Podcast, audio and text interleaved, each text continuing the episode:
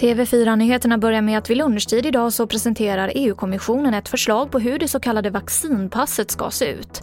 Tanken med certifikatet är bland annat att det ska bli enklare för EU-medborgare att börja resa igen.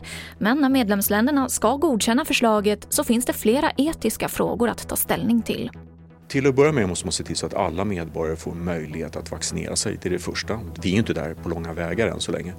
Det andra är att det måste finnas alternativ. Om du de facto inte kan vaccinera sig så måste du kunna testa det och kunna visa fram ett intyg och ha ett tryggt system för detta också. Därför att gör man det för tidigt och på fel sätt så då får vi A och B-klassmedborgare i vårt samhälle. Det sa Dag Larsson som är ledamot vid Statens medicinsk-etiska råd.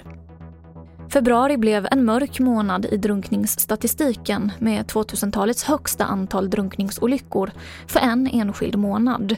Det var 11 personer som dog och det är lika många som under hela förra året. Det här visar siffror från Svenska Livräddningssällskapet. Och trycket på Vårdguiden 1177 är högre igen i takt med att antalet coronafall ökar. Just nu så är det upp till 4 000 fler som ringer varje dag än för ungefär en månad sedan. Och det var det senaste från TV4 Nyheterna. Jag heter Emily Olsson.